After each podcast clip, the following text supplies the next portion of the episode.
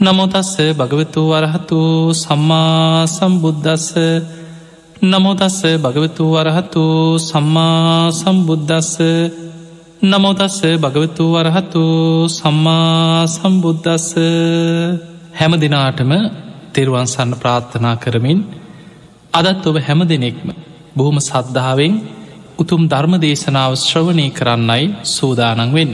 ධර්මස් ශ්‍රවණය කරන ලක්වාසි ලොවාසි හැම දෙනාටමත් මේ උතුම් ධර්මශ්‍රවනයත් නිවන්දුරටුවක් බවටම පත්වේවා කියල අපි මුලින්ම ආශිර්වාද ප්‍රාර්ථනා කරන. පිංහතුනේ බුදුරජාණන් වහන්සේගේ බුද්ධ අධිෂ්ඨාන මේ බුද්ධ ශක්තිය මේ ලෝකයේ තුළ මේ විශ්වය තුළ තාම පවතිනෝ. එක මහා පුදුමාකාර දෙයක්. දවසක් බුදුරජාණන් වහන්සේ ආනන්ද හාමුදුරුව සමඟ උන්වහන්සේ චාරිකාය වඩිනකොට එක්තරා ස්ථානයකද මේ මහ වනාන්තරයේ මේ පාරක් කරහා තවත් ඈත නගරයකට බුදුරජාණන් වහන්සේ වඩින ගමන. හැබැයි බුදුරජාණන් වහන්සේක තැනකද ආනන්ද හාන්දුරන්ට සිහිපත් කර ආනන්දය මෙන්න මේ ස්ථානයේ. කකුසඳ බුදුරජාණන් වහන්සේ මෙතනම සමාපත්තියෙන් වැඩ සිටිය භූමියක්. කෝනාගමන බුදුරජාණන් වහන්සේත් මේ භූමී මෙතනම සමාපත්තියෙන් වැඩ ඉඳලා තියෙනවා. මේ මහා බද්ධකල්පයේ පහළ වෙච්ච කාශ්‍යප බුදුරජාණන් වහන්සේත් මේ භූමී මෙතනම සමාපත්තිීන් වැඩ සිටියා කියල බුදුරජාණන් වහන්සේ ආනන්ද හාමුදුරන්ට සිහිපත් කරන. ඒ මොහොතේම ආනන්ද හාමුදුරු නිසීදනය එලලා. එතන බුදුරජාණන් වහන්සේට වැඩයි නාසනයක් පනවල. බුදුරජාණන් වහන්සේට වන්දනා කළ ආරාධනයක් කරා ස්වාමීනී භාග්‍යතුන් වහන්ස. තතාගතයන් වහන්සේත් මේ භූමියේ මෙතනම සමාපත්තියෙන් වැඩඉන්න සේක්වා. එතකොට මේ භූමිය මේ මහා බද්ධ කල්පයේ පහළවෙච්ච සිව් බුදුරජාණන් වහන්සේලාම සේවනය කරපු උතුම් බුද්ධ භූමියක් පුුණ්‍ය භූමියක් බවට පත්වෙනවා කියලා ආරාධනා කර. බුදුරජාණන් වහන්සේ තන මොහොතක් සමාපත්තියෙන් වැඩ ඉඳලා ආනන්ද හාන්දුරු සමඟ ගමන පිටත් වුණ. දැම් බලන්න එතකොට ඒ භූමිය ඒ වෙනකොට මේ මහා කැලේකට ගිය භූමියක් මොනවත් දකින්න දෙයක් නෑ. සමහර වෙලාවට උත්තරින් යනේන මිනිස්සු සත්තු කොච්චරනං ඔය භූමී හා මෙහා යනවැද. හැබැයි ඒ භූමියේ පෙර බුදුවරයන් වහන්සේලා යම් තැනක වැඩ සිටියද. එතන ඒ බුදුරජාණන් වහන්සේලාගේ බුද්ධ ශක්තියක් ඒ භූමිය තුළ පවතින. එනිසයි බුදුරජාණන් වහන්සේ භූමියේ අතීතයේ මේ මේ විදිහට බුදුවරු මේ ස්ථානිම වැඩ සිටියා කියලා බුදුමුවින් දැකලා බුදුරජාණන් වහන්සේ දේශනා කරනකොට ආනන්ද හාන්දුරු තාරාධනා කරා ස්වාමීණී තතාගතයන් වහන්සේත් මෙතන සමාපත්තියෙන් වැඩඉන්න සේක්ක. පිංහතුනී මේ විශ්වය තුළ මේ ලෝකයේ තුළ බුදුරජාණන් වහන්සේලා වෙනුවෙන්ම නිර්මාණය වෙන ස්ථානයන් ගැන අපි මීට පෙර ධර්ම දේශනාවල කතා කරලා තියෙන. ඒ තමයි අවිධහිත පුුණ්‍ය භූමි. එතකොට අපිට පේනවා මේ විශ්වයක් සකස් වෙනකොට මේ ලෝක දහතුවක් නිර්මාණය වෙනකොට මේ ලෝකයේ බුදුවරයන් වහන්සේලා සේවනය කරන එක්කම ස්ථාන හැම බුදු කෙනෙක්ම පරිහරණය කරන පුුණ්‍ය භූමි ලෝකෙ පහළ වෙන. එදකොට ඒවා බුදුවරු අනුව සාධහරණයි එනිසා තමයි ඒ ස්ථාන අවිධහිත පුුණ්‍ය භූමි හැටියට හඳුන්නන්න. එතකොට අපිට පේනවා බුදුරජාණන් වහන්සේලා ඊළඟට අවිධහිත දේශනත්තියෙන්. හැම බුදු කෙනෙක්ම ධම්ම චක්ක දේශනාවෙන්මයි ධර්ම දේශනාව ආරම්භ කරන්න. මේ උතුම් ධම්ම චක්ක දේශනාව අවිධහිත දේශනාවක්. හැම බුදුරජාණන් වහන්සේලාම අත් නොහැර දේශනා කරන දේශනය. ඒවගේම තමයි සතර සතිපට්ඨාන දේශනාවත් ධර්මය සඳහන් වෙනවා සියලු බුදුරජාණන් වහන්සේලා ඒ ආකාරයටම අත් නොහැර දේශනා කරන දේශනාවක් හැටියට. එදකොට අපිට පේනවා මේ හැම බුදු කෙනෙක්ම දේශනා කරන දේශනා තියනවා හැම බුදු කෙනෙක්ම පරිහරණය කරන පුුණ්‍ය භූමි තියෙනවා ඒවගේමයි ඒ බුදුරජාණන් වහන්සේලාගේ මේ විශ්වය තුළ උන්වහන්සේලාගේ අධිෂ්ඨාන ශක්තිය බුද්ධ ශක්තිය කියන එක මහා පුදුම දෙයක් ඒ අපිට තේරුම් ගන්න පුළුවන් දෙයක් නෙමේ. ඒකට හේතුව බුද්ධ විෂය අචින්තයයි. මේ අචින්තය වූ විෂය තුළ අපේ මේ පුංචි නුවනට අපිට ටිකක් හරි තේරෙන්න පුළුවන් ආකාරයට තේරුම් ගත හැකි ආකාරයට අපි උත්සාහ කරන්න මේ බුදුරජාණන් වහන්සේගේ බුදු ගුණයන් ගැන මේ බුද්ධ වචනයන් ගැන බුදුරජාණන් වහන්සේ පිහිටව අධිෂ්ඨානයන් ගැන අපි යම් මට්ටමකට හරි තේරුම් ගන්න ඔබ දන්නවා රතන සූට දේශනාව කෝටි ලක්ෂයක් සක්වල ආඥා පිහිටෝන දේශනාව. ඒවගේම බුදුරජාණන් වහන්සේගේ මේ ආටානාටිය සූත්‍රය කන්ද පිරිත දජග්ග සූත්‍රය මේ වගේ විශේසිත දේශනා රැසක් තියෙනවා කෝටි ලක්ෂයක් සක්වල ආඥා පිහිට ඕන දේශනා. එතකොට අපිට පේනවා කෝටි ලක්ෂයක් සක්වල කියපුහම අපි මේ ජීවත් වෙන ලෝකධාතු විතරක් නෙමෙයි. ත්‍රහි සහස්සී ලෝක ධාතුවීම දෙව් බමුන් තුළ ඒ බුද්ධ විෂය ගැන ඒ දේශනාව ගැන ආච්ඥාව පිහිටෙව්වා කියන්නේ ඒ සියලු දෙනායේ දේශනාව ඒ අයුරින්ම පිළි අරගෙන ඒ බුද්ධ වචනයට අවනත වෙන. ඒවගේ දේශනාවත් තමයි දජග්ග පිරිත. මේ දජග්ග පිරිතක් හැටියට අපි භාවිතා කරන මේ දේශනාව සඳහන් වෙන්නේ ඔබ බලන්න ඔබේ ජීවිතය තුළ ඔබ ඕන තරං බයවෙලා ඇත්. තැති ගැනීම් ඔබේ ජීවිතය ඇතිවෙලා ඇත්. ලොමු ඩැහැ ගැනීම් ඇතිවෙලා ඇත්. සමහර වෙලාවට ඔබ කියන මගේ රෝම කෙලින් වෙනවා කියන. මගේ ඇඟම කිලි පොලායන මට මහා බයක් ඇති වුණා. පපුුව නතර වුනා කියෙන්. මට හුස්ම ගන්නත් බැරි වුනා කියෙන්. පපුුව ගැහින්න ගත්තක්. මට මොකක් දුනේ කියල හිතාගන්න බෑ. මට දවාගන්නවත් බැරි වුණ. කකුල් පණ නැති වුණා කියෙන්. එතකොට මිනිස්සුන්ට මේ බිය තැති ගැනීම ඇති වෙන. හැබැයි එවැනි අවස්ථාවක බුදුරජාණන් වහන්සේ මේ දේශනා කරන ක්‍රමය මේ මනුස්ස ලෝක අපිට විතරක් නෙමේ බුදුරජාණන් වහන්සේ දේශනා කරනවා කෝටි ලක්ෂයක් සක්වල දෙව් බමුන්ට පවා මෙන්න ක්‍රමය බිය තැති ගැනීම නැතිකර ගන්න තියෙන ක්‍රමේ ඒ තමයි බුදුගුණ සිහිකිරීම ධර්මී ගුණ සිහිකිරීම සඟගුණ සිහිකිරීම ඒ නිසා බොහෝ වෙලාවට මිනිස්සු පුරුදු වෙන්නේ කෙලෙස් සහිත කෙනෙක්ගේ රැකවරණයක් හොයාගෙනයන් තැන් ඔබ හිතන්න ඔබ බොහෝ වෙලාවට මිනිස්සු තමන්ට කරදර බාධා එනකොට දෙවියන්ගේ පිහිට පතාගෙන යන. ඒක මිනිස්සුන්ගේ අසරණකම නිසා සමහරලාවට වෙන දෙයක්.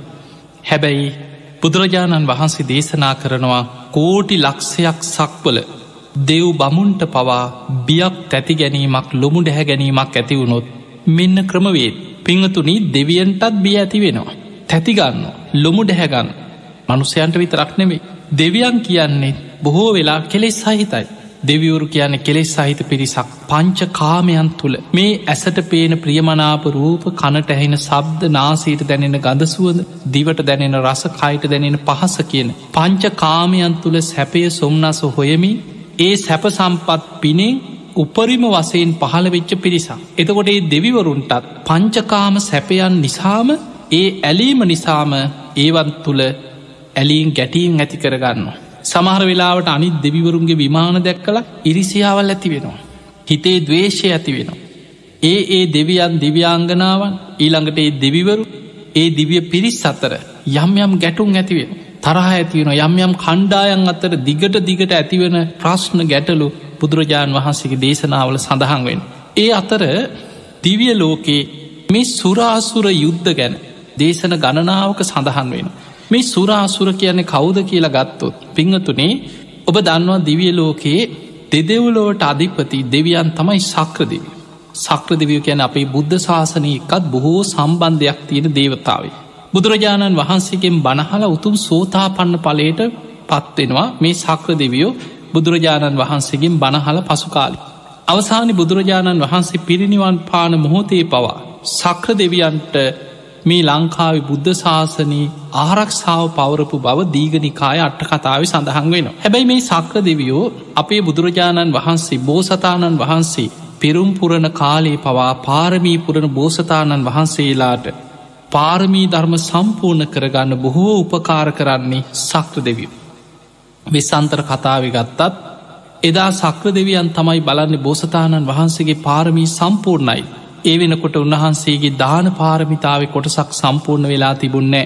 එදා සක්‍ර දෙවියන් තමන්ගේ මේ දිවිය ලෝකයේ තමන්ට පහළවෙච්ච මේ දිව්‍යාංගනාවන් අතර අග මෙහෙසිකාව වෙලා සක්‍ර දෙවියන්ගේ බොහෝ පින් ඇති දිව්‍යාංගනාවක් හැටියට පිනෙම් පහළ වෙලා හිටියේ කල්ප ලක්ෂයක් පෙරුම්පුරාගෙන යන බුදු කෙනෙක් බුදුවෙන ආත්මි මව් පදවිය ප්‍රාර්ථනා කරගෙන යන පින්වන්ත කෙන සක්‍ර දෙවියන් විධාන කරන ඔබ මනුලොවට යායුතුයි දැන්.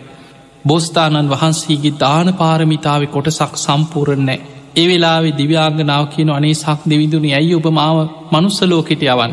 ඔබට මාව එපාවනාද කියලහන් නෑ එහෙම දෙයක් නිසා නෙමෙයි. ඔබට යුතුකමක් තියෙනවා. ඔබට පැවරිච්ච වගකීමක් තියෙනවා. ඒ වෙලාවෙ සක්‍ර දෙවියන්ගෙන් වරම් කීපයක් ඉල්ලනවා. ඒ වරං අරගෙන තමයි සක්‍ර දෙවියන්ගෙන් එදා කුසතිී දේවී හැටියට ජයතුරාපුර උපදින් සංජේතයන රජ්ජුරුව හැටියට දෙව්ලව හිටපු කල්ප ලක්ෂයක් පෙරුම්පුරාගෙන යන දේවතාව සක්ක දෙවියම් මනුලොවට එවනු. ඒ විදිහට මනුස්සලෝකෙට එවලා නිසි කාලෙ එනකොට ඒ අය විවාහ වෙලා රජකං කරන කාලෙ එනකොට තමයි බෝසතාණන් වහන්සේට දෙවුරු ආරාධනා කරන්නේ මහාවීරයන් වහන්ස ඔබහන්සේට දාන පාරමිතාව. අවසාන කොටස පරමත්ත පාරමී කොටසක් සම්පූර්ණ කරගන්න තියෙනවා. ඒ පිණිස මනුලවට වඩින් සේක්වා කියලා ආරාධනා කරන්න. ඊළඟට බලන්න ඔබ දන්නවා අපේ බෝසතාණන් වහන්සේ පාරමීපුරණ එක ආත්මයක. එදා දහම් සොඩ ජාතකය ගත්තත්. එදා මහා යක්ෂයෙක් හැටියට බෝසතාණන් වහන්සේ ධර්මය වෙනුවෙන් මං ජීවිතේම පූජා කරනවා කියලා හිතපු වෙලාවේ වෙස්වලාගෙන එන්නේ මහා යක්ෂයෙක් වගේ වෙස්වලාගෙනෙන්නේ සක්‍ර දෙවි. බෝසතාණන් වහන්සේ පාරමී පුරන්න පරමත්ත පාරමිතාවට අනුග්‍රහ දැක්කුව. එදා දහම්සුන් රජ්ජුරුව පරෝතයක් මුදුනට නැගලා බණපදයක් මට ඇසේවා කියල යක්ෂයාගේ කටට පනින්න ඉදිරිපත් වෙච්ච වෙලාවේ. අහසිදිම දෑතට මරගෙන දෙව්ලවටම එක්කං ගෙහිල්ලා. සක්‍ර දෙවියන්ගේ පණ්ඩු කම්බල කියන මේ සයිලාසනීම වාඩි කරවල ධර්මී කියල දීලා ආපහු ගෙනහල රාජ්‍යයේ පිහිටෙව්වා කිය. එතකොට අපිට පේනවා මේ පාරමීපුරණ බෝසතාණන් වහන්සේලාට පවා සක්‍ර දෙවියම් මොන තරං උපකාර කරනවා. විස්සන්තරාත්මයේ බොහෝ තැන්වල අවසානි දේවිය දන් දෙන්න. මහළු බ්‍රාහ්මණයෙක් වගේ විශ්වලාගෙන එන්නේ දේවිය ඉල්ලගෙන සක්‍ර දෙවිය.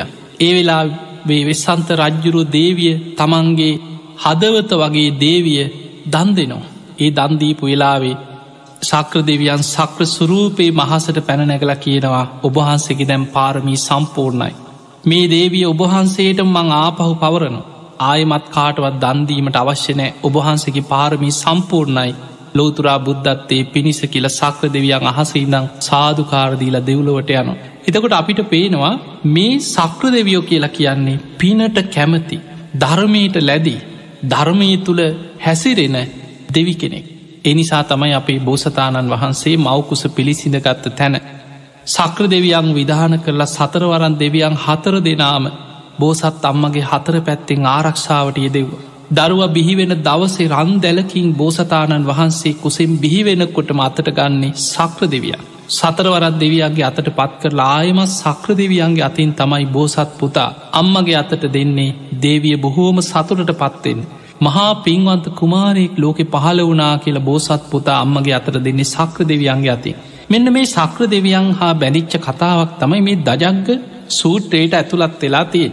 මේ දේශනාව තියෙන්නේ දිවිය ලෝකයේ මේ සුරාසුර දෙවිවරු අතර ඇතිවෙන ගැටුමක්. මේ ගැටුමට එක හේතුවක් තමයි සක්‍ර දෙවියෝ කියන්නේ මගමානවකය හැටියට. බුදුරජාණන් වහන්සේ පහළ වෙන්න බොහෝ කාලෙකට පෙර. අවුරුදු කෝටි ප්‍රකෝටි ගානකට පෙරේදා මනුලොව ජීවත්වෙච්ච දඹදිව ජීවත්වෙච්ච මගමානව යාළුව තිස්තුන් දෙනෙක් හිටිය. මේ තිස්තුන් දෙනා එක්ක එකතු වෙලා එදා මගමානවකයා බොහෝ පින්කං කරන. දවසක් මේ මගමානවකයා ඇවිදගෙන යනකොට ඒ කාලෙ මිනිස්සු මුළු පාරවල් ඔක්කොම කැලෑ ඇවිලා ගස් කඩාගෙන වැටිලා පාරට. හැබැයි කවුරුත් මේ වයින් කරන්න අමාරුවෙන් ඒ අස්සෙන් රිංගල යන උඩින් පැනල යන කවුරුත් අර පාරට වැටිච්ච ගහක්කත් අයින් කරන්නේ. පාරි හැම තැනම ගල් කෑලි ඊළඟට කඩාගෙන වැටිච්ච පස් කෑලි කඳුනායගේව මේ අමාරුවෙන් හරි මිනිස්සු එහා මෙහා පැනගෙන යන.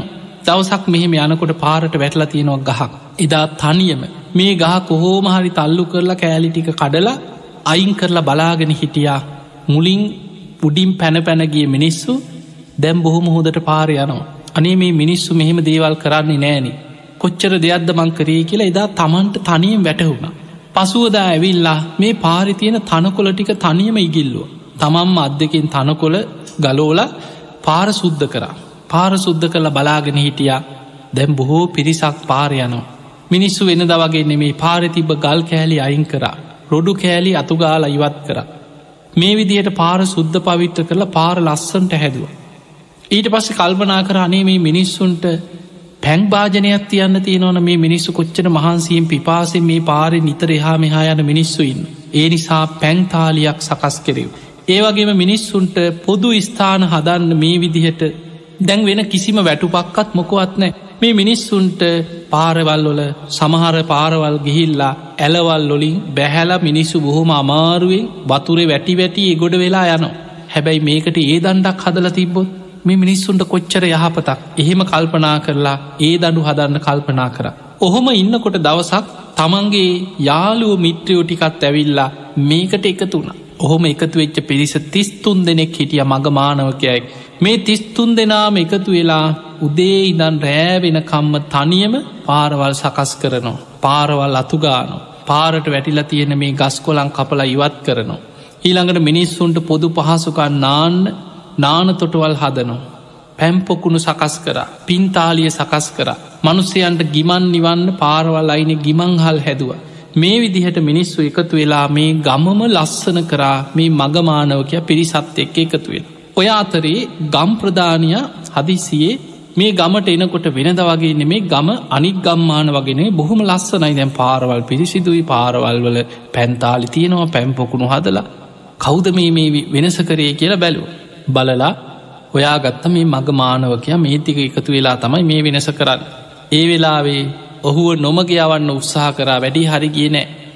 රජ්ජුරුවන්ට ගිහිල්ලක් කියලමක් ගොතල කිව්වා රජතුමනී මෙන්න මේ වගේ හොරු ටිකක් ඉන්නවා. මේ ගමේ මගේ ප්‍රදේශි මගේ ගම් භූමී හොරුව රැලක් ඉන්නවා. තිස්තුන් දෙනෙක් ඉන්නවාකවේ මහ හොරත් එක්ක එකතු වෙච්ච. මේ අය මේ ගමම විනාස කරනවා කියෝ ගම් පහරනවා කියෝ. රජ්ජුරුවෝ ඒ වෙලාවේ අර කියපුදේ විශ්වාස කරලා රාජ බටය දෙව්වා. ගිහිල් අල්ලගෙන වරෙල්ල කිවොයි පිරිස.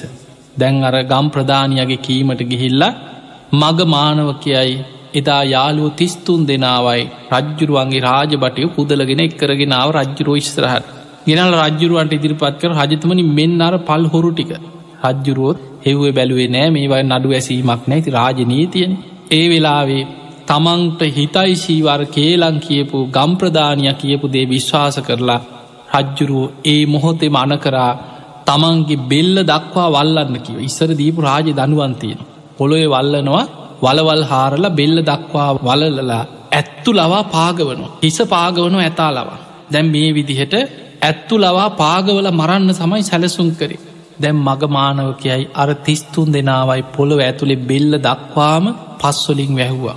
දැන් වහල බෙල්ල විතරයි උඩට තියෙන් රජ්ජුරුවන්ගේ ඇතා දැම් මේ දඩුවන් දෙනකොට ඇවිල්ල මිනිස්සු පාගල මරණ මේ හස්ති අරගෙන එනකොට මග මානවකයා යාළුවන්ට කියනවා අපි කරේ යහපත් දෙයක් මෛත්‍රිය වඩන්න කියෝ. රජ්ජුරුවන්ටත් මෛත්‍රී වඩන් මේ ගම් ප්‍රධානය ගැනවත් වේශ සිතක් ඇතිකරගන්න එපා මෛත්‍රී වඩන්. ඒ විතරක් නෙමෙයි මේ හැමෝටම මෛත්‍රී වඩන්න ඇතාට පවා මෛත්‍රී වඩන්නක බලන්න මේ මෛත්‍රිය මොන තරම් බලයක්ද කියලා. මේ මෛත්‍රී බලය කියන්න මේ ඇතා ළඟට ඇවිල්ලා මෛත්‍රී වඩනකොට ආපස්සට දිව්ව ඇතා හැරිලා ආපස්සට ගිය. කවදාවත් නොවෙච්ච දෙයක් රජ්ජුරුත් ඇතිගත්තා මොකක්ද මේ වුණේ ඒ වෙලාව ඇත්ගව්වන්ට කීවා ඇතාව ලංකරන්න කියලා ඇතා ලංවෙන්නේ වන ළඟට ගේනකොට ආපහු හැරිල දුවනු ඇත. අවසානයේ අජ්ජුරුවන්ට හිතුනා මේ අය ළඟ මොකක් හරි මන්තරයක් තියෙන්න්න පුළුවන් මේ ඇත්තු බය කරන මන්තරය. ඒ නිසා ඔය ඔක්කොගේම මූනවල් ඔක්කොම වහන්න පැදුරු වගේ කලාල දාලා දැන් ඔක්කොමාර මූුණ ඔක්කොම වැැහව. ඔළුව විතරයි පොළොවෙන් උඩට අරන්තිබ ඒවත් වැැහුව.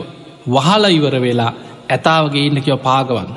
ඒත් මෛත්‍රී වඩනකොට ඇතා ඒත් ආපහු හැරලදුවන් ලංවෙන්න රජ්ජුරුවන්ට මොකක්ද මේ වුණේ කියලා රජ්ජුරෝකිව ඔය ඔක්කොම ගොඩ ගනිල්ලක්. ළඟට ගෙන්න්න läහුවා මොකක්ද උඹල ළඟ තියෙන මන්තරී? මේ ඇත්තු දමනය කන මන්තරයක් තියෙනවා නේද? ඒ වෙලායි මග මානවකයක් කියනවා අනේ රජතුමනේ අපි ළඟ තියෙන එකම මන්ත්‍රයේ මෛත්‍රිය තමයිකි. අපි උදේ පාන්දරින් අපි යාලුව ටික නැකිටලා සියලු දෙනාට මෛත්‍රී කරනවා. උදේ ඉඳන් සියලු දෙනාට මෛත්‍රී වඩලා අපි උදේම පිටත් වෙලා යන්නේ කාටහරි යහපතක් කරන්න. අපි ගිහිල්ලා ගමේ මේ විදිහට ලිං හදනවා. කැඩිලා තියෙන ගෙවල් මිනිස්සුන්ට හදලා දෙනවා. ඒ වගේම පාරවල් සකස් කරලා දෙනවා. වැව් පොකුණු කරෝ නො මිනිස්සුන්ට වතුර භාජන තියෙනවා. අපි දවසපුරා කරන්න ඔය ටික තමයි මෛත්‍රියෙන්ම තමයිකව අපි මේ දේවල් කරන්න ඒ විතරක් නෙමෙයි මේ සක්‍ර දෙවියම් බවට පත්වෙච්ච මග මානවකයා. මනුස්ස ලෝකයේදී තමන් දිවිහිමියෙන් රැකපු ගුණධර්ම කීපයක් ගැන දේශනාවල තියෙන. ඒ තමයි මේ සක්‍ර පදවිය ලැබෙන්න හේතුනේ එදා මග මානවකය හැටියට කටයුතු කරන කාලේ තිවිහිමියෙන් තමන්ගේ දෙමව්පියන්ව පෝෂණය කරනවා මග මානවකය. ඒවගේම තමන්ගේ දිවිහිමියෙන් kuල දිටුවන් පුදනො වැඩිහිටියන් ඒ වගේම ගුරුවරු ඒ සියලු දෙනාට ගරු සත්කාර කරනවා. එක දිවිහිමියෙන් දිවි ඇති තාක්කල් තමන් පුරුදු කරපු දෙයක්. ඒ වගේ මයි මගමානවකයක් දිවිහිමියෙන් මෘදු මොලොක් වචන කතා කර හැම වෙලාම වචනයක් කතා කරත් සුවපත්තේවා. යහපතක් වේවා. ඒ විදිය තව කෙනෙක්ගේ හිත සංසිතෙන සුභාසිත වචන තමයි කියනවා මේ මගමානවකයා ජීවිත කාලිම කතා කරේ. වචනයක් නිසාවත් තව කෙනෙකුට හිංසාවක් පීඩාවක් නොවේවා කියන මෛත්‍රී සිතෙම්ම මෘදු මොලොක් මෛත්‍රී සහගත වචන ජීවිත කාලිම කතා කර. ඒ විතරක් නෙමෙයි මගමානවකයක් දිවි හිමියෙන් කේලාං කීමෙන් වැලකිලා කටයුතු කරාගෙන කවම දාවත් කිසිම දෙයක් තව කෙනෙක්කුගේ හිතක් රිදෙන දෙයක් තව කෙනෙකුට කරදරයක් වෙන දෙයක් තව කෙනෙකුගේ පවුලක් විනාස වෙන වචනයක්කත් කේලමක් ජීවිත කාලෙම කියලනෑ. තමන් රුතයක් හැටියට ආරක්ෂා කරපු දිවිහිමියෙන් රැකපු ගුණධර්ම ටික තමයියේ. ඒ විතරක් නෙමෙයි දිවිහිමියෙන් මං මසුරු මල දුරු කරමින් කටයුතු කරනවා කියලා ත්‍යාග සම්පත්තිය පුරුදු කරාගෙන අනුන්ට උදව් උපකාර කර. අනුන්ගේ දේවල් ගැන කිසිම දෙයක් ගැන ලෝබ සිතක් ඇති කරගත්ති නෑ බොහෝ වෙලාවට මිනිස්සුන්ට යමක්කමත් තියෙන කෙනෙක් දැක්කට පස්සේ. ඉරිසියාව උපදින.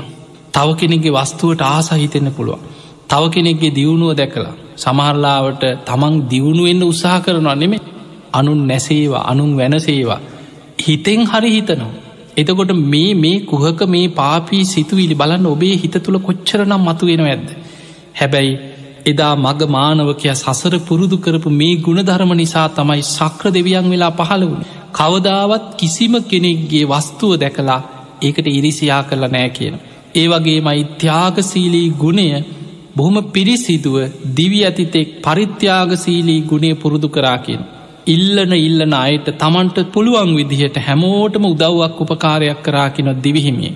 ඒ වගේ මයි දන්දීම මිනිස්සුන්ට උදව්පකාර කිරීම දිවිහිමීම් පුරුදු කරගත්තා කියන. ඒ විතරක් නෙමේ මග මානවකයා හැම වෙලාවෙම මම ක්‍රෝධ හිතක් නං ඇතිකරගන්නේ නෑ. මෛත්‍රී සිතෙන්ම කටයුතු කරනවා කියලා මෛත්‍රියම සසරි පුරුදු කර. ඔන්න ඔය හේතුව නිසා තමයි සක්‍ර දෙවියෝ වෙලා මරණින් මත්තය පහළවෙයි. තැන් අවසානය රජ්ජුරුව දැනගත්තා මේ අය නිවරදී බොහොම ගුණයාපත් මේ රජ්ජුරුවන්ට ගතු කේලං කියලා තියෙන මේ ගම්පතිය තමයි වැරදිකාරය. අවසානයේ මඟ මානවකයාගේ ඒ ඉල්ලීම නිසා ගම්පතියට වවා කරන්න හදපු දනුවමෙන් ඔහුව නිදහස් කෙරෙව්. එදා රජ්ජුරෝ කියනවා කැමති වරයක් ඉල්ලන්නකි. ඒ වෙලා මඟ මානවකයටත් අර යාළුව මේ තිස්තුන් දෙනාටත් රිසිසේ මිනිස්සුන්ට උදව්පකාර කරමින් පින්කරගෙන ඉන්න ගම්වරයක් පිරිනැව්වා. ඒ අයට ගම්පති තනතුර දීලා මේ ප්‍රදේශයම මිනිස්සුන්ට උදව්පකාර කරන්න කියලා රජ්ජුරුව විනේම ප්‍රදේශයක්ම පැවරුව. මීට පස්සේ මඟ මානවකයා යාළුවොත් එක්ක ගිහිල්ලා ශාලාවල් හැදුව.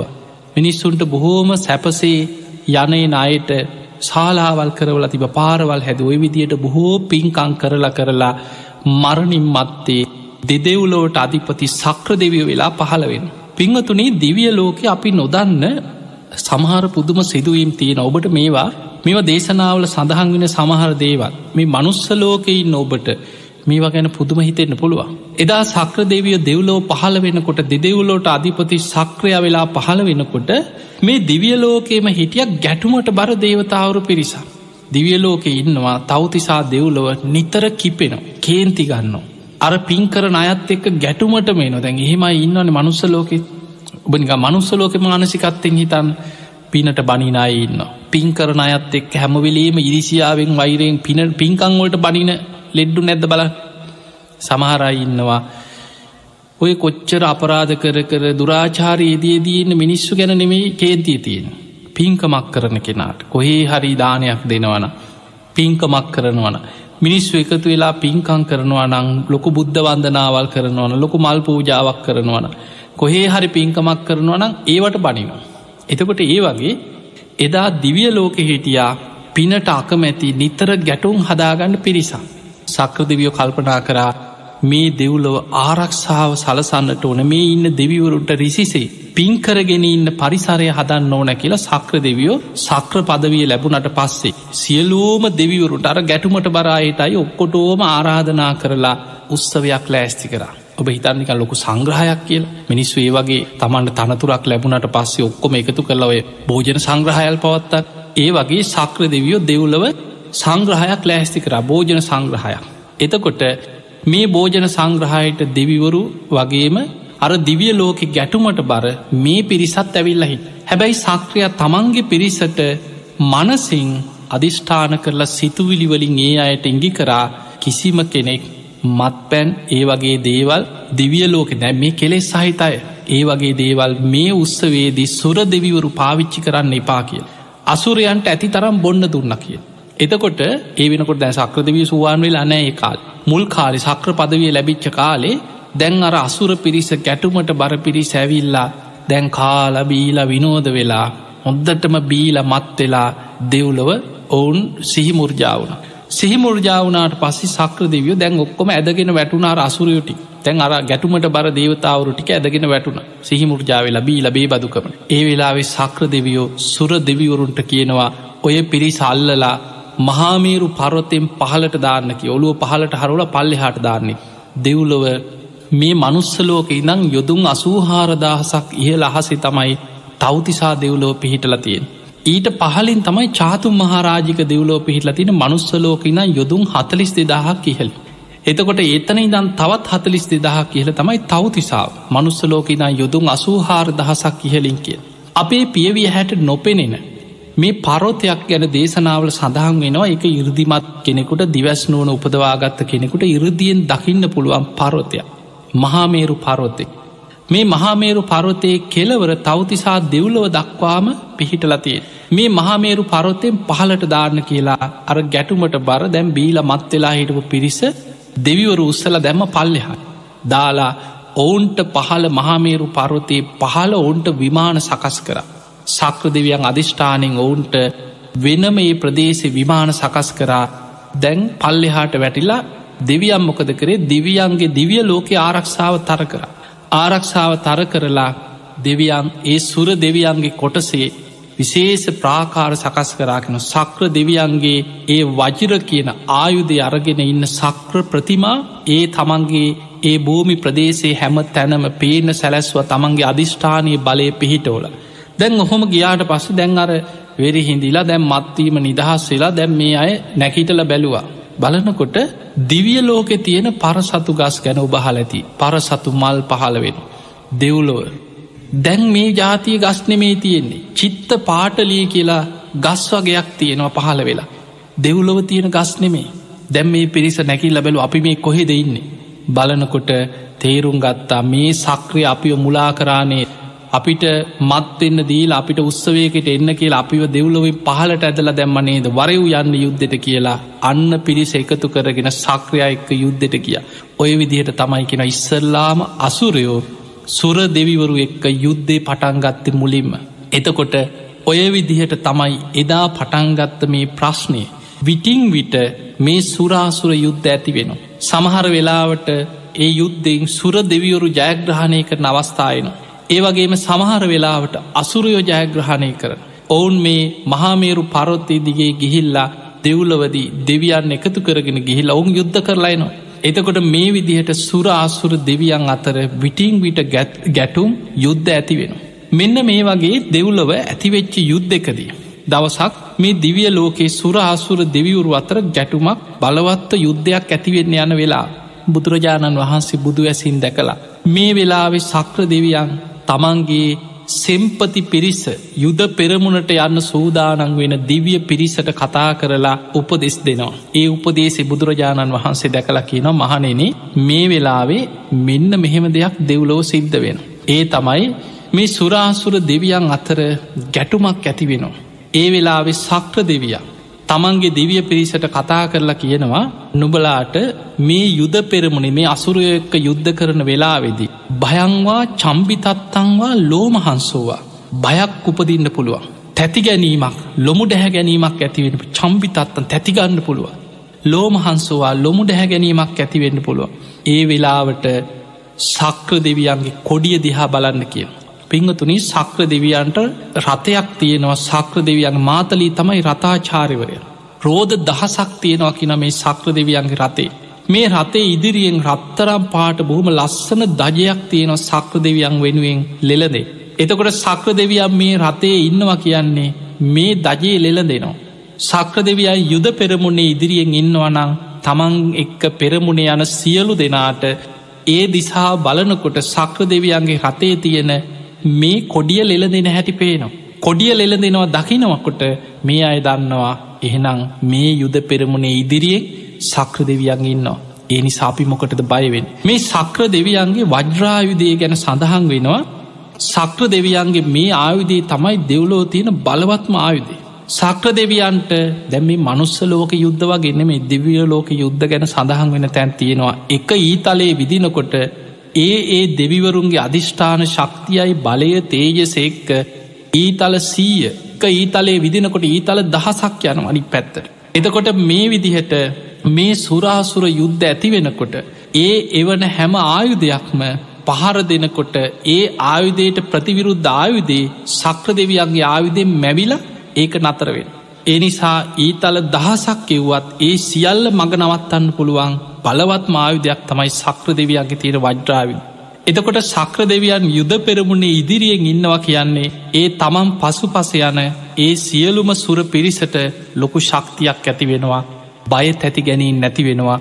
අපේ නායක සිම්පති දේවතාව අපි දිරිය ඉන්නවා සක්‍ර දෙවියන් ඉන්න අපිමොකරද බයවේ ඊළඟට සක්‍ර දෙවියෝ තමන්ගේ සුර දෙවියවරුන්ට කියනවා බැරිවෙලාවත් මගේ දජේ දිහා බලන්න බැරිවුණොත් මේ දෙව්ලොව ඉන්නවා බොහෝම බල සම්පන්න දේවතාවෙක් ප්‍රජාපති මේ ප්‍රජාපති දෙවියොත් බොහෝම බල සම්පන්න දේවතාවේ. යුද පෙරමුණේ ඉදිරියෙන් යන මේ ප්‍රජාපති දෙවියන්ගේ දජේ දිහා බලන්. එහෙම නැත්නං යුද පෙරමුණේ ඉදිරියෙන් යන ඊසාන දෙවියන්. බොහෝ දෙවිවරුන්ට යුද්ධ පෙරමුණේ නායකත්වය දෙන සුර දෙවියන්ගේ ජයග්‍රහණය පිණිස යුද පෙරමුණේ ඉදිරියෙන් යන නායක සෙම්පති දේවතාව ඊසාන දෙවියන්. මේ ඊසාන දෙවියන් ඉදිරියෙන් ඉන්නවනං ඒ දජේත් ලෙල දෙනවා අහසේ. ඒ දිහා බලන් එහෙම නැත්නම් ප්‍රජාපති දෙවියන් දිහා බලන් මෙන්න මේ විදිහට දෙවිවරු හතර දෙනෙක් ගැන සක්‍ර දෙවියන් මේ යුද පෙරමුණේ බයක් තැති ගැනීමක් ඇති වුණොත් මෙන්න මේ විදිහට බලල බිය තැති ගැනීම නැති කරගන්න කියලා තමන්ගේ දිවිය පිරිසට කියන හැබැයි බුදුරජාණන් වහන්සේ වදාලා දැම් බුදුරජාණන් වහන්සේ බුදු ඇසි මේක දැකලා භික්‍ෂූන් වහන්සේලාට දේශනා කරනවා මහනෙන සක්‍ර දෙවියනුත් අවීතරාගූ අවීත දෝසෝ අවීත මෝහෝ මේ සක්‍රය කියලා කියන්නේ රාගේ ප්‍රහාණය කරගත්ත කෙනෙක් නෙමේ. දවේශයේ ප්‍රහාණය කරගත්ත කෙනෙක් නෙමේ. මෝහේ ප්‍රහාණය කරගත්ත කෙනෙක් නෙමේ. ඒ නිසාත් සක්‍ර දෙවියන්ටත් බිය තැති ගැනීම ඇති වෙනවා. සක්‍ර දෙවියොත් බයවෙනවා තැතිගන්නවා පලායනවා පලායිති උට්හාසි තැතිගන්නවා පලායන. එනිසා මහනෙන නුඹලාට දැම් බුදුරජාණන් වහන්සේ මේ කතාව මේ දිවියලෝක වෙන කතාව කියලා භික්‍ෂූන් වහන්සේලාට කියෙන ඒ නිසා මහනින් බයවුනාට පස්සිතින් තවත් බයවෙන කෙනෙක්ව සීකරනවාට වැඩිය. මහනින් නුඹලාට තතාගතයන් වහන්සේ යමක් දේශනා කරන මගේ ශ්‍රාවකයන් වන භික්‍ෂු භික්‍ෂුණි උපාසක උපාසිකාවන්ට අරන්නේ වේවා රුක්ක මූලගත්තුව නේවේවා සුඥ්ඥාගාරී වේවා. යම් කිසි තැනක මී කැලෑවල්වල මහ වනාන්තරවල ආරන්නේවල ගස් යට බණ භාවනා කරගෙන ඉන්න භික්‍ෂූන් වහන්සේලාට මහ කැලෑවල්ල සමලර් නොෙක් විදිහ කැලේ ඉන්න යක්කු ඉන්නවා අමනුස්්‍යයෝ ඉන්නවා. බිය තැති ගැනින් ඇතිවෙන්න පුළුවන්. භයානක දේවල් සිද්ධ වෙනවා. නොයෙක් බිය ඇතිවෙන කාරණය දෙන්න පුළුවන්. එතකොට එවැනි භයංවා චම්පිතත්තංවා ලෝමහන්සෝවා නුබලට මගේ ශ්‍රාවකයන් වන භික්ෂු භික්ෂුණි උපාසක උපාසිකාවන්ට බියක් තැති ගැනීමක් ලොමු ඩැහැ ගැනීමක් යම් දවසක ඇතිවුණු නුබලාට තතාගතයන් වහන්සේ අන්න ක්‍රමයක් පෙන්නල දෙනවා මේක කෝටි ලක්ෂයක් සක්වල ආඥා පිහිට ඔබ දේශනාව. කවදාහරි ඔබට බයක් තැති ගැනීමක් ලොමු ඩැහැ ගැනීමක් ඇතිවුණොත් බුදුරජාණන් වහන්සේව තමයි සිහි කළ යුත්. උන්වහන්සේ රාගේ ප්‍රහාණය කරගත්ත කෙනෙ. දවේශයේ ප්‍රහාණය කරගත්ත කෙනෙ. මෝහයේ ප්‍රහාණය කරගත්ත කෙනෙ. උන්වහන්සේ රාග දේශ මෝහ ප්‍රහාණය කරන්න පෙර පවා. ඔබ දන්නව බෝධි මූලේ වාඩි වුණේ උන්වහන්සේ වැඩ හිටියේ මගේ ශරීරයේ සම්මස් වියලේවා. ඇටනහර පමණක් ඉතිරිවෙතොත් ඉතිරිවේවා. පුරුෂ වීරියම් පුරුෂ පරාක්‍රමින් යම් ධර්මයක් අවබෝධ කරගත යුතුද මැරුණක් නැකිටින්නෑ කියන චතුරංග සමන්නාගත වීරියෙන් වැඩඉන්නකුට. මේ කාම ලෝකේම අධිපති භාවේ දරන වසවර්ති මාරය ගිරිමේ කලාකි නැතුපිට නැගලා දස බිම්බරක් මාරසේනා පිරිවරාගෙනාවේ මහා භයානක හඬ ඇති කරගෙන. එතකොට අහස ගුගුරනෝ පොළොව දෙදරනා වගේ භයානක හඬ ඇතිවෙන. ළඟළඟ හෙන පුපුරණ වගේ භයානක සබ්ද ඇතිවෙන්. ඊතල වරුසාවල් ගල් වරුසාවල් මේ විදියට අහසෙන් වැටෙන්න සලස්සන හැබැයි උන්වහන්සේ ඒ වෙනකොට තාම බුදු වෙලා හිටියනෑ වජිරාසනය මත බුදුවෙන අධිෂ්ඨානෙන් වාඩි වුණා විතරයි. ඒවත් උන්වහන්සේ බයවුන්නෑ තැතිගත්තෙ නෑ. උන්වහන්සේ අධිෂ්ඨානයෙන්ම මැරුණත් නැකිටින් නෑ කියලා එදා උන්වහන්සේ වජිරාසනී මත වැඩහිටි. එහෙව් ශාස්තෘන් වහන්සේ නමක් උන්වහන්සේ සියලු කෙලෙසුම් ප්‍රහාණය කරාට පස්සේ උන්වහන්සේ රාග දවේශ මෝහ ප්‍රහාණය කරාට පස්සේ ශ්‍රාවකයන්ට පෙන්ල දෙනවා මහනෙන නුඹලාට යම් දවසක බයක් තැති ගැනීමක් ලොමු ඩැහැ ගැනීමක් ඇතිවුණොත් කවදා නුඹලා සිහි කරන්න කියනවා. මම සරණගේ බුදුරජාණන් වහන්සේ නම් ඒ කාන්තෙක් අරහන් සම්මා සම්බුද්ධයි විද්‍යාචන්න සම්පන්න. ඔබ සිහි කරන්න. ඉතිපිසෝ භගවා අරහන් සම්මා සම්බුද්ධෝ විද්‍යාචන්න සම්පන්න සුගතු ලෝකවිදු අනුත්තරු පුරිෂ දම්ම සාරති සත්හා දේවමනුස්සාන බුද්ධෝ භගවා කියලා බුදුරජාණන් වහන්සේව සිහි කරන්න. අන්න බුදුරජාණන් වහන්සේ අපිට පෙන්න්නපු ක්‍රමේ. හැබැයි අපිට මෙහෙම දෙයක් නම් දැන් මිනිස්සු ධර්මී හැසිරෙන එක කොහොම වුණත් බොහෝ වෙලාවට බයක් ඇතිවුණහම ඉතිපිසෝ ගාථාව කියන පුරුද්ධනන් තියෙනවතාම. සමහර වෙලාවට පැටලි පැටලි හරි භගවා ඉතිපී අරහං අරහංකී කිය හරි බයවුනාට පස්සේ ගාථාව අනි පැත්තට හරි කියනවා. එතකොට හැබැයි මේ ගාථාවෙන් බිය තැති ගැනීන් නැතිවෙන්නන. ඔබ තුනුරුවන් ගැන සද්ධාවක පිහිටල් ඒ සද්ධාව තුළ ධර්මය හැසිරෙන කෙනෙක් නං ඒ මොහොතෙම බිය තැති ගැනීන් දුරුවෙලා යන. එනිසා පිංහතුනේ බියක් තැති ගැනීමක් ලොමු ඩැහැ ගැනීමක් ඇතිවුණාට පස්සේ බුදුගුණම හිතන්. ඒ මොහොති බුදුගුණ මාරමුණු කරගන්න.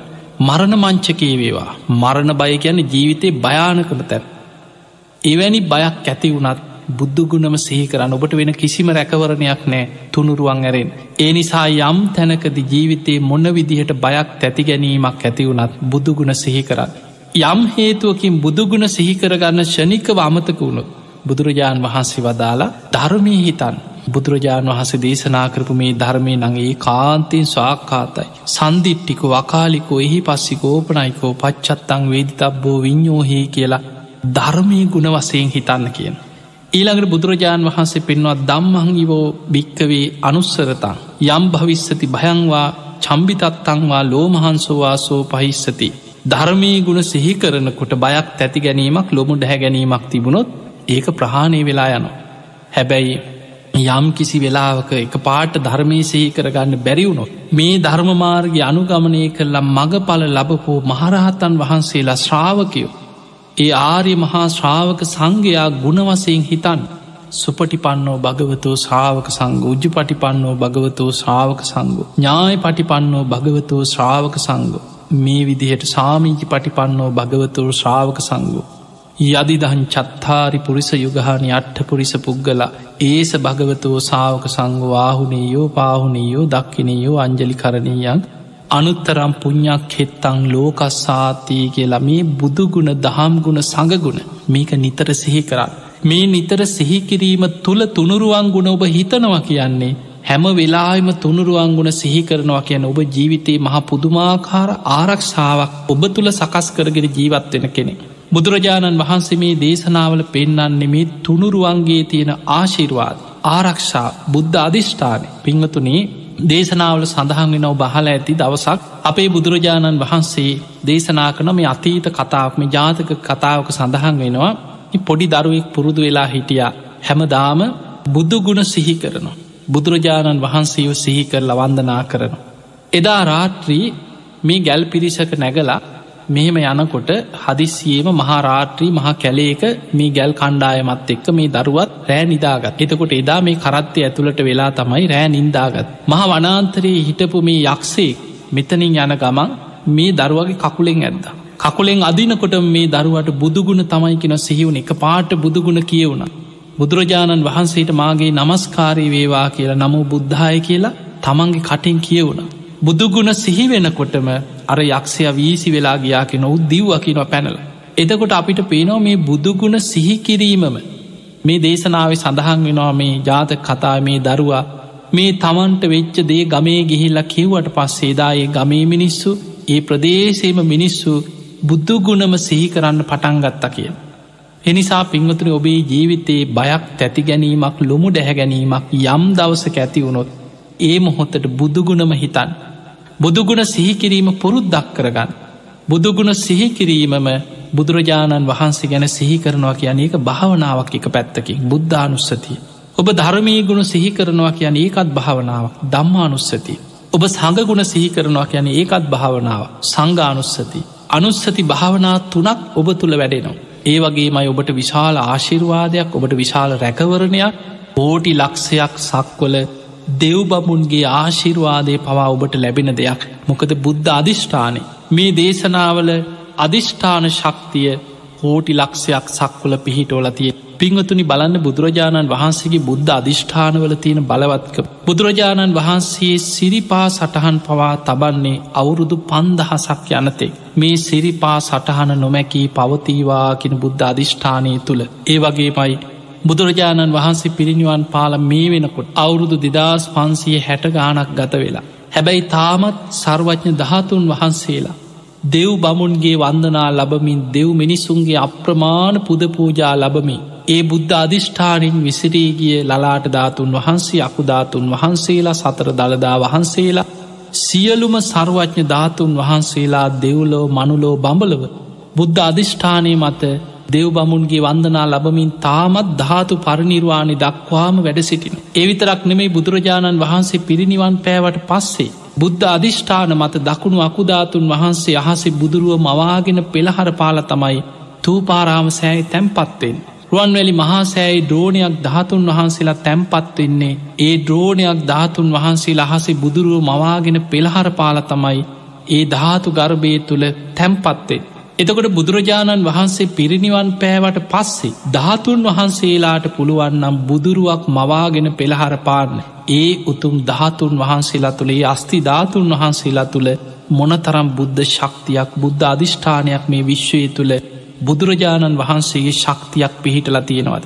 එනිසා මේ බුදුගුණේ බුද්ධ බලය බුද්ධ අධිෂ්ඨානී බුදුරජාණන් වහන්සේගේ ගුණයන්ගේ ස්වභාවේ අපිට මේක මීටරේකින් මැනල හොයන්න පුළුවන්කමක් නෑ උපකරණයකින් මෙන්න මෙහෙම උපකරණකට අහුවෙනවා කියලා උපකරණ හොයාගන්න තරන්වත් එහෙම හැකියාවක් ඒ අපිට හිතාගන්න බෑ. ඒ නිසයි බුද්ධ විශ්ය අචින්තයයි කියන් ඒ අචින්තය වූ බුද්ධ විෂය තුළ බුදුරජාණන් වහන්සේ උන්වහන්සේගේ ශ්‍රාවකයන් ආරක්ෂාව පිණිස බලවත්ම දේශන රැසක් පෙන්නල දෙනවා. අපිට නිවන් මගට අදාළ වෙන විදිහට බණභාවනා කරගෙන කෙලෙස් ප්‍රහණය කරගන්න අදාළ වෙන විදිහට පටිච්ච සම්පාදය ගැන පංචුපාදානස්කන්දය ගැන බෝධිපාක්ෂික ධර්මයන් ගැන දේශන රැසක් තියෙන දහස් කනන් දේශනාතිය. ඒ වගේම මේ ධර්මමාර්ග යනකොට භික්‍ෂු භික්‍ෂුණී උපාසක උපාසිකාවන්ට තමන්ගේ ආරක්ෂාව වෙනුවී. මනුස්සේකුට බය වෙනවා කෙලෙස් සහිතගෙනත් තැතිගන්න. ජීවිතේ ලොමු ඩැහැගන්න. ඒ වගේ වෙලාව තමන්ගේ ආරක්ෂාව වෙනුවෙන් බලවත්ම දේශනා පෙන්න්නනවා.